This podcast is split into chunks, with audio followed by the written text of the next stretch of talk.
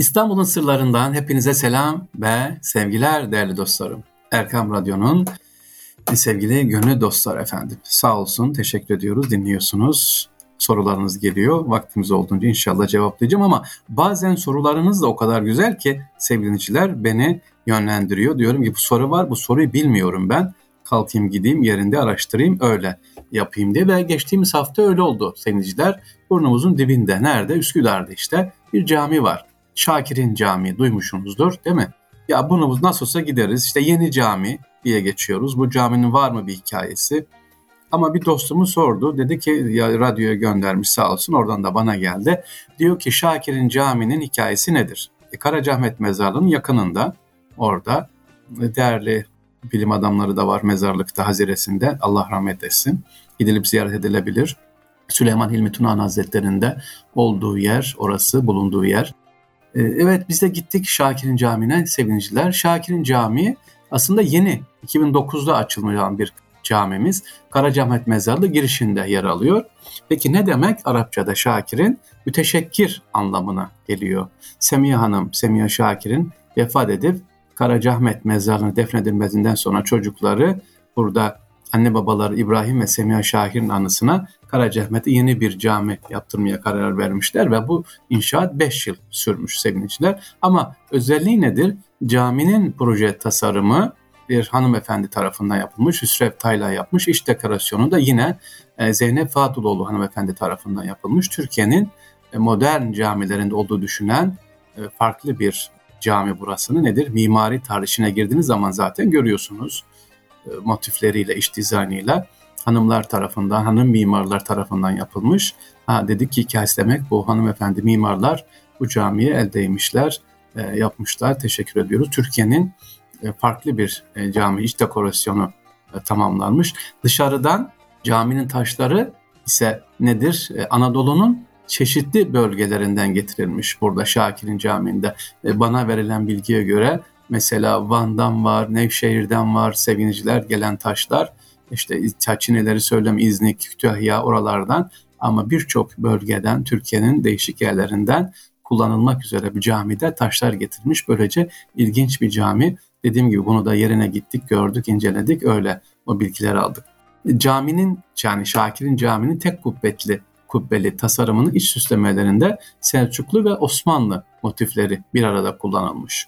Selçuklu ve Osmanlı üç tarafı camla çevrili caminin pencereleri Kur'an-ı Kerim sayfaları gibi tasarlanmış sevgiliciler. Nasıl size anlattım Levent Camii'ni anlattım ya farklıydı içerisinde iç dizaynı sabah namazına gitmiştik o zaman da e, böyle gezerek anlattık. Şimdi burası da caminin kubbeli tasarım iç süslemelerinde Selçuklu ve Osmanlı motifleri var. Üç tarafı camla çevrili Kur'an-ı Kerim sayfaları gibi tasarlanmış 10 bin metrekare alanı var ve 500 kişilik kapasitesi var her biri 35 metre yüksekliğinde de iki tane minaresi var sevgili dinleyicilerimiz. İç avluda ise yine ilginç hikayesi iç avluda yer alan havuz Londra'nın ünlü su heykeltıraşçısı William P. tarafından saydam kubbeler olarak tasarlanmış ve bu sayede caminin ve minarelerin görüntüleri havuza yansıyor. Nasıl diyeceksiniz? Evet iç avluda hani bizim avlularımızda camilerimize girirken ne olurdu sevgiliciler? Şadırvan olur değil mi? e, şaduvan çok akan demek. Ölda olmasının sebebi sadece abdest almak için değil aynı zamanda suyun o enerjisini hem sesini içeriye vermesi, içeriye göndermesi. E, bu da bize caminin ve içerideki namaz kılanlara bir enerji olmuş oluyor. İşte iç avluda yer alan havuz sevgiliciler havuzda dikkat edin su devamlı akıyor.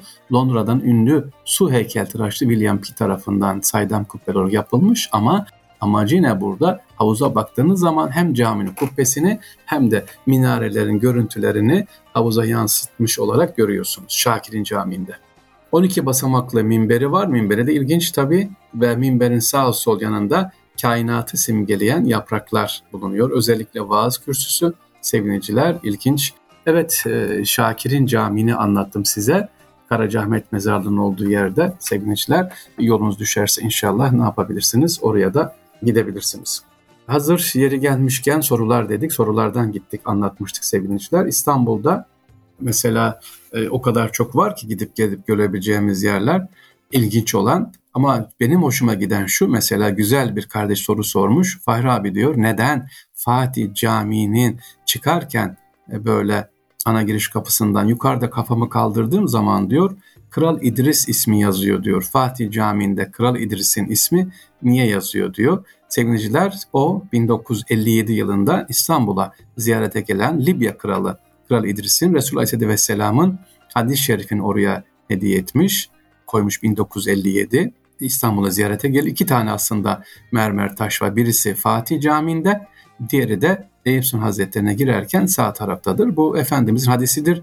İstanbul elbette fetholunacak. Onu fetheden komutan ne güzel komutan, onun askerleri ne güzel asker diye onun İstanbul ziyaretindeki hediyesidir Fatih Camii'nde. Evet hazır Fatih Camii'ni anlatmışken o zaman şunu da söyleyelim. Geçen nereye gittim bakayım? Ha Recep Tayyip Erdoğan İmam Hatip Lisesi'ne gittim. Oradaki kardeşlere de anlattım. Dedim ki Fatih Camii'nin müezzin mahfiline çıkın bakalım ne göreceksiniz, ne göreceğiz. Orada bir resim var, tablo var, büyükçe bir tablo. O tabloda dünya haritasının süliyeti var, Topkapı Sarayı kubbe var, İftariyelik kubbe var orada ve Kudüs, Mekke, Medine var. Ne diyor? Müslüman dünyanın gidişatından sorumludur diyor. O mesajı bizlere vermiş oluyor. Ha, gittiğimiz zaman da Fatih Camii'ne e, bunlar bu güzel detaylara da bakalım inşallah sevgili kardeşler. E, böyle soru sormanız güzel. İnşallah sorabilirsiniz. Instagram'dan da ulaşabilirsiniz veya sarrafoglu.fahir.gmail.com'a veya Erkam Radyomuza da gönderebilirsiniz. Kardeşlerimiz bize ulaştırırlar sevgiliciler. Kitap ismi soruyorsunuz. Kitap ismiyle ilgili de İslam'la ilgili çok kitaplar var ama bununla ilgili Erkam yayınlarından çıkan e, Abide-i Şahsiyetler kitabını mutlaka tavsiye ederim. Elinizin altında e, bulunsun onu okuyalım. Sevgiliciler yine İstanbul'u anlatan Erkam yayınlarımızın kitap var. İstanbul'la ilgili 2-3 tane kitap var. Oradan isterseniz inşallah oradan gelir takip edebilirsiniz. Sevgili dinleyiciler İstanbul'un sırlarında Fahri Sarrafoğlu kardeşiniz sizlerle birlikte oldu. İnşallah tekrar görüşmek üzere efendim. Allah'a emanet olunuz. Kolay gelsin.